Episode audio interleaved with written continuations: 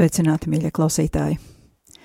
Atkal pirmdiena, jau 21. maija, un skanējumu sāk raidījums vairāk tevis manī. Studijā es Sandra Preisa. Atgādinu raidījumu kontaktus. Ētera telefona numurs 679, 691, 31, numurs izziņām 266, 772, 72, e-pasts vairāk tevis manī ar gmail.com vai saziņa caur Facebook. Šodien sācies liturģiskais laiks, ko mēs saucam par parasto. Eh, Dažreiz mēs sakām, ka šodien vēl ir otrie vasaras svētki. Un vēl tikai nedēļa līdz rādījuma arī raidījumu vadītāji dosies vasaras atpūtā. Tātad šis ir sezonas priekšpēdējais raidījums. Šajā un arī nākamajā sezonas noslēguma raidījumā vēl turpināsim iesākto tēmu par narcisiem. Uh, redzēsim, mm, kā mums ar to visu ies. Biju domājusi, ka uh, šo tēmu ar nākamo raidījumu arī noslēgsim, lai gan laba materiāla man ir daudz, un, jo tēma tomēr ir smaga un specifiska. Bet man iznāca klātienē parunāt ar vairākiem klausītājiem, un es sapratu, ka problēma ir aktuāla. Uh, Ja arī kādam no jums vēl nav gadījies nonākt ciešā saskarē ar destruktīvu cilvēku, jāsaka, ka diemžēl tas ir tikai laika jautājums. Gribu gan no sirds novēlēt nekad neko tādu nevienam nepiedzīvot, bet zināšanas, kuras mēs šeit varam tagad visi kopā iegūt, var noderēt arī, lai palīdzētu draugiem vai tuviniekiem, kuriem nav paveicies. Šīs dienas tēma īsumā ir narciss, ir upuris, bet kas notiek tālāk? Ko darīt upurim? Ko darīt tam, kuram upuris ir uzticējies un pastāstījis par savu nelaimi? Vai šeit der tradicionālie kristiešu garīgie padomi, kādus mēs lietojam parastās sadzīves situācijās? Tātad tā tēma īsumā, bet tagad lūksimies. Lūksimies tāpat kā jau iepriekšējos vakarus eh, ar to pašu lūkšanu rīt, rītausmas vārtu dievmātei, bostrubrāmas dievmātei. Dieva tēva un dēla un svētā gara vārdā Āmen. Visvētā jaunā Marija, debesu karaliene, mana valdniece un dievu māte, iežēlojies un glāb tavus kalpus no ļauniem un viltīgiem cilvēkiem, pasargā no apmelojumiem un visām nelaimēm. Mūsu valdniece, Ostrabramas dievmāte, glāb mūs no ļaunā gara varas, no redzamiem un neredzamiem dvēseles un miesas ienaidniekiem, no nežēlīgām vajāšanām un no visiem ļauniem apstākļiem. Glāb mūs no nelaimīgas nāves. Āmen! Veni Sancte Spiritus, et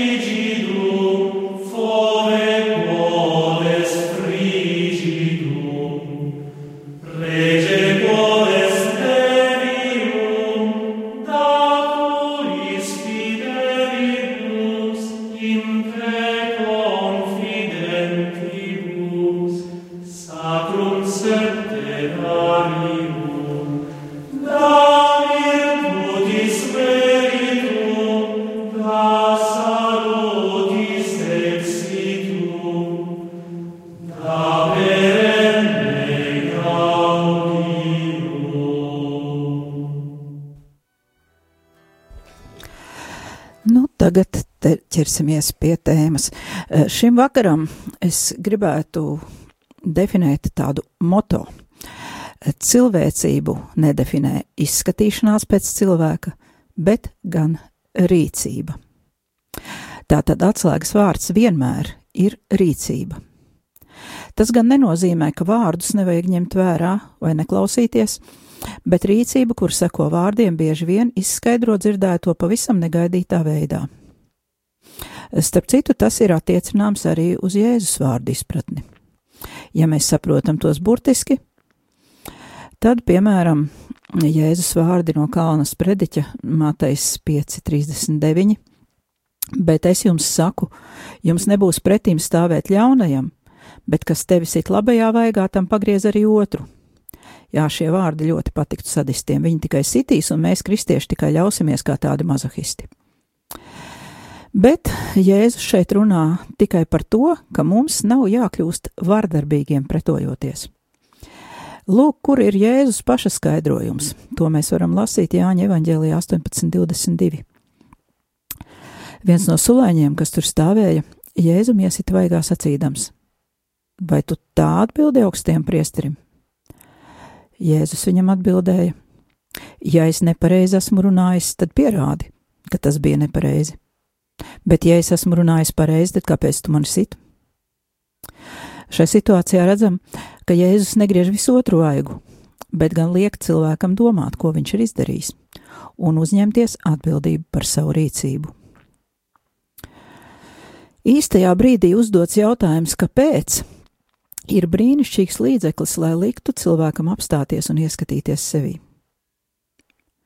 Tomēr, turpinot klausīt, klausīties par narcisiem, atkal un atkal aicinu vispirmām kārtām pētīt savu, savu dzīvi, savas domas, rīcību, lēmumus un to augļus, un nemitīgi uzdot sev jautājumu, kāpēc.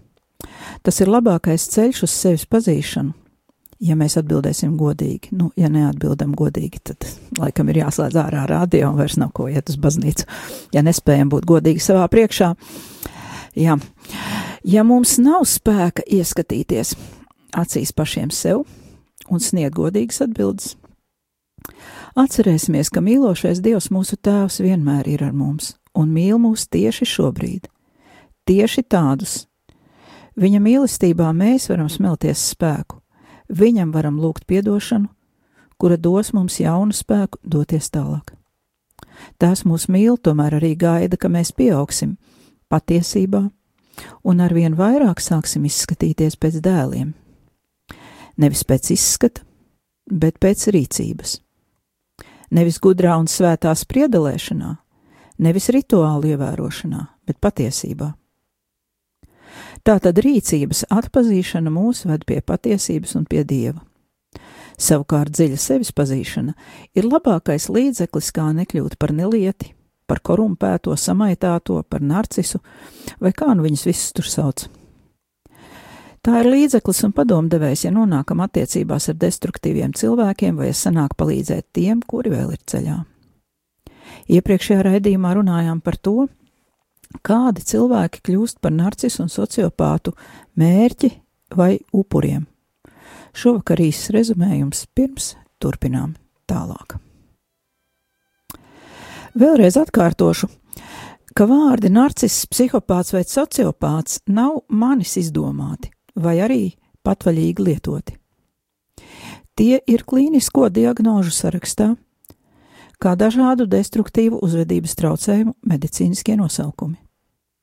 Savukārt narcisiska uzvedība ietver sevī visu to netikumu sarakstu, kuru tūkstneši tēvi apzīmē ar vārdu filautie, bet pāvests Francisks ar vārdiem korumpēts vai samaitāts.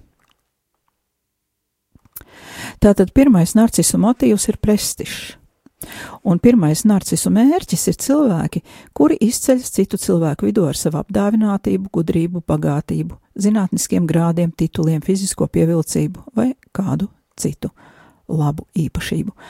Tāda cilvēka tuvumā narcis jūtas nozīmīgs un, kļūstot par šo cilvēku tuvu draugu vai uzticības personu, ceļ savu vērtību savās un arī citu cilvēku acīs. Ko tas nozīmē upurim? viņš nav ieguvis uzticamu draugu, kā varētu domāt, bet gan tiek izmantots kā priekšmets, kā lieta.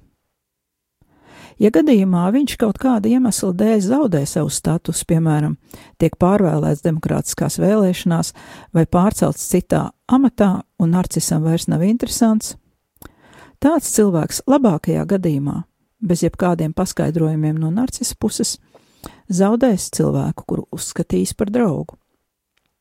Sliktāko scenāriju var būt ļoti daudz. Viens no tiem Ja narcis būs nonācis statusā augstāk par bijušo draugu, viņš var atriepties par piedzīvoto pēdiņās pazemojumu, kuru bija sajūtis, kamēr atradās zemākā pozīcijā, pēc viņa domām zemākā. Tas nenozīmē, ka draugs viņam lika justies zemākam. Narcis vienkārši pašos dziļumos tā jūtas vienmēr, un jo augstāk vērtē otru, jo vairāk pazemots jūtas. Atriebība var izpausties kā boikots, šantāža, neslavas celšana un personīgi smagi verbāli pazem, pazemojumi zem četrām acīm. Cik cilvēku tik variantu? Bet narcisa mērķis vienmēr būs necilvēcīgi pazemot. Svarīgi, ka neko no tā vēlāk nevarēs pierādīt, jo ievainojums ar vārdiem pierādīt, kā zināms, ir ļoti grūti. Ja narcisa izvēlētais cilvēks būs kļuvis par viņa dzīves biedru, vienalga vai narciss ir vīrietis vai sieviete. Pēc garāka vai īsāka idealizācijas perioda sāksies vardarbības aplis, par kuru runājām iepriekš. Jo inteliģentāks un labāk audzināts būs upuris, jo izsmalcinātāki un nežēlīgāki būs uzbrukumi un attiecīgi smagākas traumas. Pie tam nekā fiziska. Tikai un vienīgi emocionāla un morāla vardarbība, nedodot otram iespēju izrunāties un attiecības sakārtot. Otrais mērķis - cilvēks no vienkāršākas vidas, neobligāti izcilnieks, bet tāds, kurš narcisu dievina viņa neapstrīdamās pievilcības un šārma dēļ. Tāda cilvēka var būt iekšējai lietošanai pēdiņās. Piemēram, bezlaulības kopdzīvei, ja ir izdevies radīt stipru atkarību, laulībai, ja tas ir nepieciešams upura noturēšanai, jo nemitīgi būs mērķis glābt laulību. Tā var nodzīvot arī līdz zelta kāzām. Par sekām cilvēku garīgajā dzīvē un fiziskajā veselībā runāsim vēlāk. Trešais mērķis - cilvēki, kuri vispār netiek idealizēti, tikai izmantoti. Tiek veidota stipra pieķeršanās, atkarība, dažreiz arī kaut kas līdzīgs narcisismam upurī jo draudzība ar varano narcisu dod kaut kādu izdevīgumu, amatu, statusu, noteiktā slēgtā vidē, piemēram, darba vietā, studentu grupā, draudzē, jebkur. Upuris apzinās, ka bez šā cilvēka viņam tiks atņemts viņa status un ir gatavs paciest pazemojumus no bosa narcisa vai viņa uzdevumā izrēķināties ar citiem bosa upuriem. Sevišķi bīstama šāda struktūra var būt vidē, no kuras cilvēks nevar tā vienkārši aiziet. Pamest darbu un palikt bez līdzekļiem, piemēram, vai aiziet no studijām, vai pamest klosteru kopienu, ja ir pārliecināts par savu aicinājumu. Ja šādā situācijā ir kāda statusā augstāka persona, kura atpazīst narcisu, piemēram, uzņēmuma īpašnieks, Šī persona var tādu čūskulāju likvidēt, piemēram, atlaižot galveno narcisu no darba sakarā ar uzticības zaudēšanu. To var izdarīt vienas dienas laikā, taču parasti tā nenotiek. Šīs lietiņas ir labi nomaskātas, un normālam, veselam un labi audzinātam cilvēkam ir grūti kaut kam tādam noticēt. Ja cilvēks laikā nesaprot, kas notiek, viņam sākas personības izmaiņas, par kurām arī runāsim vēlāk, un kuru rezultātā piesaista narcisam kļūst ar vien ciešāka. Bet upuris domā, piemēram, ka tā ir mīlestība vai pazemība vai piedošanas augstākais lidojums.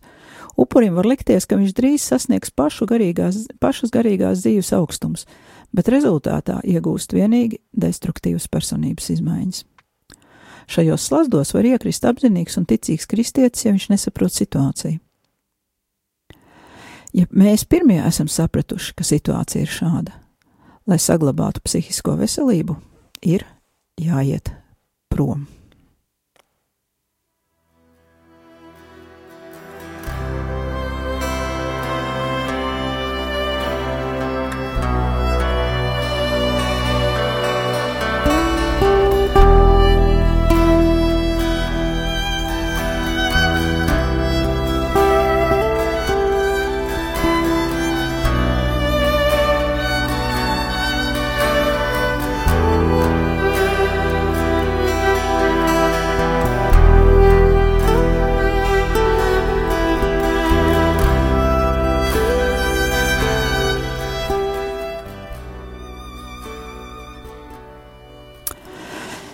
Mēģināsim saprast vienu fenomenu, kurš arī mums ļauj eh, labāk uh, izprast šo narcistisko uh, uzvedību. Uh, tas uh, angliski saucās narcistics, narcistic supply. Mm, es to tulkoju latviski kā narcistiskā barotne, jo būtībā tas apzīmē kaut ko tādu kā līdzīgi, ka, piemēram, laboratorijā eh, baktērijas tiek pelējums, piemēram, audzēts buljonā. Nu, tad tā barotne ir šis te buljons, uz kura aug narciss. Šā fenomena izpratne ir absolūti nepieciešama, lai saprastu destruktīvās uzvedības modeli un narcisu uzvedību. Narcisistiem ir atkarība no apkārtējo uzmanības, un viņi saņem sev nepieciešamo devu no šīm barotnēm. Psiholoģijā izšķir divus barotņu veidus - primārā un sekundārā. Primārā narcistiskā barotne nodrošina visu uzmanību, pēc kuras augst narcistiskais narkomāns. Šai uzmanībai var būt dažādas formas - gan publiska, piemēram, slava, atpazīstamība, bet arī publisks apkaunojums, skandāli un tam līdzīgi, vai arī privāta forma - pielūgsme no kādām privātām personām, sajūsma, glaimi, atzinība, vai arī bailes no narcisa, atgrūšana un tam līdzīgi. Kā redzam, uzmanība var būt gan pozitīva, gan negatīva, nav nekādas starpības. Viss ir kārtībā tik ilgi, kamēr narciss atrodas uzmanības centrā. Gan pozitīvā, gan negatīvā abas sniedz viņam vienādi stipru apmierinājumu. Otrā narcistiskā baro, barotne attiecas uz apkārtējiem cilvēkiem, kuri nodrošina viņam regulāru barošanos, piemēram, laulātais draugs, bērni, draugi, kolēģi, partneri, studenti un citi. Šī barotne nodrošina narcisam normālu eksistenci ikdienā, no tās viņš gūst pamatu savam pašlepnumam, finansiālo nodrošinājumu, sociālo stāvokli un sev vajadzīgos kontaktus un attiecības. Tomēr šī barotne neietver tikai cilvēkus. Narciss var baroties no jebkādas lietas, ar kuras palīdzību var pievērst sev uzmanību. Pazīstams markas auto, nozīmīgi īpašumi, apģērbi, arī kalpojums baznīcā kā konsekrētai personai, piederība kādam kultam, klubam vai privātais bizness. Īsāk sakot, jebkas, kas varētu kalpot kā statusa simbols, ir narcistiskā barotne. Ja narcis zaudē kādu no barotnēm, primāro vai sekundāro, viņam var parādīties simptomi līdzīgi abstinencei. Viņš kļūst nervos, emocionāli uzbudināts, var sākt nesakarīgi runāt, izrādīt bezpalīdzības pazīmes, viņš izskatās sabrucis un dažos gadījumos iespējams pat psihotisks epizodes, apmātība ar kādu ideju, vajāšanas mānija, sazvērstības teoriju būvēšana. Viņam ieslēdzas tā sauktā maģiskā domāšana, jo viņš tic, ka ir autoritāte, visvarens, visu zinošs un tāpēc vienmēr uzvarēs. Tas viņu var padarīt bezbailīgu un nežēlīgu, meklējot atriebību, kuru pēc viņa domām būs triumfāla. To sauc par dieva kompleksu. Šie visi aspekti padara narcisu nopietni bīstamu gadījumos, kad viņa barotne ir apdraudēta. Vienkārši runājot, tāda situācija var veidoties, piemēram, ja cilvēks, kuru narcis ir izraudzījies sev nopietnām attiecībām vai jau kādu laiku izmantojis, cenšas šīs attiecības izbeigt. Uzbrukums var būt personību pilnībā sagraujošs. Jebkuru veselīgu attiecību pamatā ir nerakstīti likumi, kuri tās nostiprina un palīdz attīstīt, bet kuri pilnīgi nedarbojas toksiskās attiecībās. Ja jūs atrodaties attiecībās ar plēsoņu, jums ir pat bīstami sekot šiem likumiem.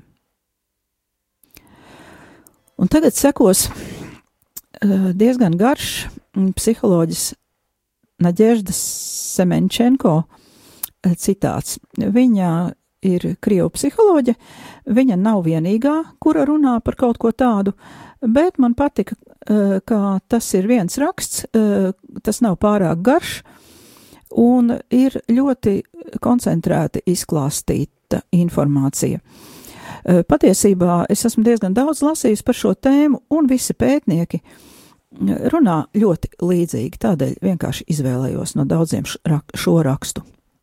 Tātad, e, kādi tad ir šie likumi vai padomi, kurus uh, cilvēki ar normālu attiecību pieredzi mēģina sniegt uh, cilvēkam, kas ir destruktīvās attiecībās, un kāpēc viņi nedarbojas. Tātad pirmais padoms - piedod un aizmirsti.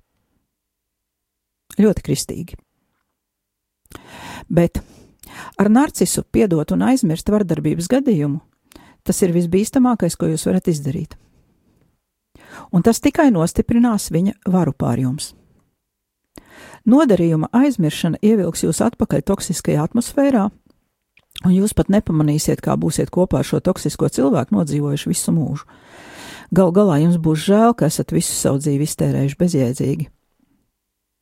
Vardarbības aizmiršana ir viens no aizsardzības mehānismiem, no kura cieš daudzi destruktīvu cilvēku, gan narcisu, gan psihopātu, sociopātu un līdzīgu upuri, lai aizsargātu sevi no nesamām ciešanām. Taču, lai izdziedinātos no traumas, jums ir jāsaprot, kas ar jums notiek. Lai atkal un atkal neatgrieztos pie sava mocītāja, Jums ir jāsaglabā saikne ar savām dusmām arī tad, kad viss ir beidzies, lai nesāktu romantizēt varmāku. Citāta beigas.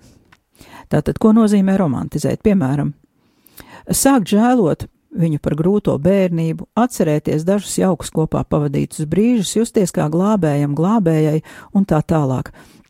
Šādas jūtas var rasties, eh, ja pēc traumējošās pieredzes ir bijis tāds nošķiršanās laiks, un ja mēs par to traumējošo pieredzi cenšamies aizmirst, nevis tikt ar to galā, lūk, sākas šī romantizēšana un ir atkal atgriešanās atpakaļ pie varmākas un atkal viss sākas no gala.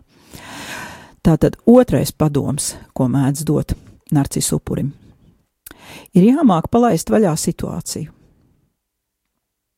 Palaid vaļā Tas ir vislielāko ļaunumu nesošais padoms, kādu var saņemt vardarbības upuris. Un šis ir arī visbiežāk dotais padoms.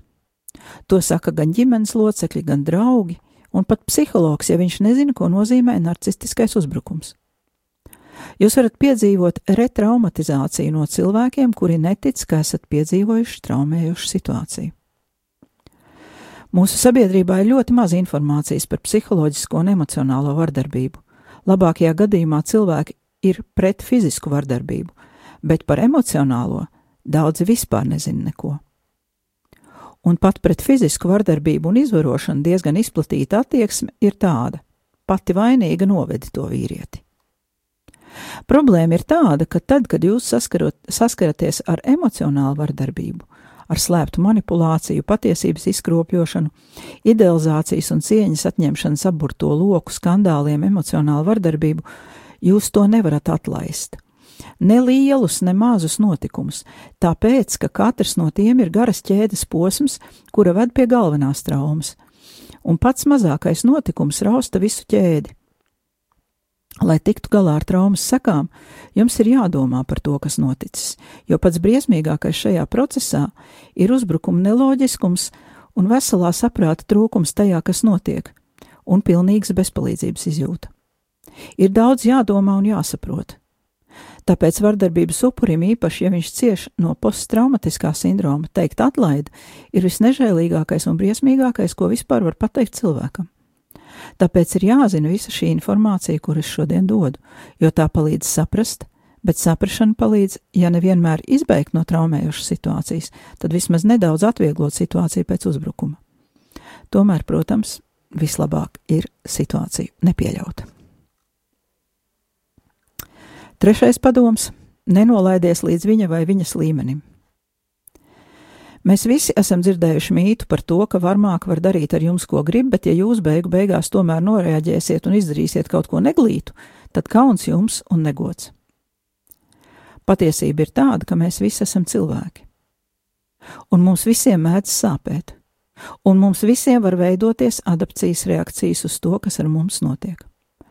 Ja jums ir darīšana ar hronisku varmāku, jums kā atbildu uzbrukumam var izveidoties ieradums histēriski raudāt, plānot pašnāvību, sapņot par atriebību, un jums par to nav jākaunas. Jūs esat daudz pārcietis un nevienam nav nekādu tiesību jūs tiesāt, jo īpaši tādiem, kuriem nav ne mazākās saprašanas, ko šie pārdzīvojumi nozīmē. Nevienam nav tiesību jums dot padomu, ka ir normāli jārēģē uz nenormālu uzvedību. Ja jūs nevarat aiziet no toksiskās vides, jums ir vajadzīgi kaut kādi pielāgošanās mehānismi, lai izdzīvotu. Tas nenozīmē, ka jums būtu jāizstrādā šie mehānismi, lai visu atlikušo dzīvi neietu prom, vai arī jāpaliek tādam pašam varmākam. Tas vienkārši nozīmē to, ka jūs esat dzīves cilvēks un reaģējat uz situāciju tā, kā jūs esat spējīgs šajā brīdī. Ceturtais padoms. Viss ir atkarīgs tikai no tevis paša. Ja tev ar pašapziņu viss ir kārtībā, tu esi pietiekami skaists, gudrs, dzīves gudrs, tu nekļūsi par narcisu upuri. Nē. Patiesība ir tāda, ka neviens nevar būt pietiekami gudrs, skaists un pašapziņīgs, lai nekļūtu par narcisa upuri. Skaistās, stiprās, gudrās, veiksmīgās sievietes ar pilnīgi veselu pašapziņu un no jebkura sociālā slāņa var būt pakļautas vardarbībai. Tieši to pašu var teikt arī par vīriešiem, protams. Un nevienam pašam cilvēkam nav imunitātes pret narcistisko traumu.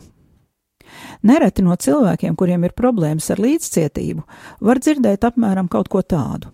Nu, ja tas būtu noticis ar mani, es gan būtu darījis vai darījusi tā un tā. Tas ir tikpat kā lielīties televizoru priekšā. Jūs nekad neuzzināsiet, kā jūs būtu rīkojušies, kamēr jūs nepiedzīvosiet tādu vai līdzīgu situāciju. Tālāk psiholoģi runā par sievietēm, bet pilnīgi to pašu var attiecināt arī uz vīriešiem. Viņa saka, es pazīstu daudzas sievietes, kuras ir bijušas savas dzīves augstākajā punktā, skaistas un ar labu karjeru tajā brīdī, kad satikušas narcisu. Viņas sāka zaudēt sevi. Viņas domāja, ka ir satikušas savas dzīves mīlestību, bet izrādījās, ka ir satikušas plēsoņu, vilkausādā. Viņu pašcieņa, uzticēšanās sev, ticība savai vērtībai bija iznīcināta. Vardarbība nav atkarīga no upura. Tas ir nenormāla, toksiska cilvēka roku darbs. Neviens nav pelnījis vardarbību. Katrs cilvēks ir pelnījis mīlestību, rūpes un cieņu. Lūk, ar to tad arī šovakar beigsim. Es domāju, ka nobeigums ir ļoti saskanīgs ar to, ko māca svētie raksti. Paliekam lūkšanā, turamies pie Jēzus, un nākamajā reizē turpināsim. Tas bija raidījums vairāk tevis manī un ar jums kopā biju es, Sandra Preisa.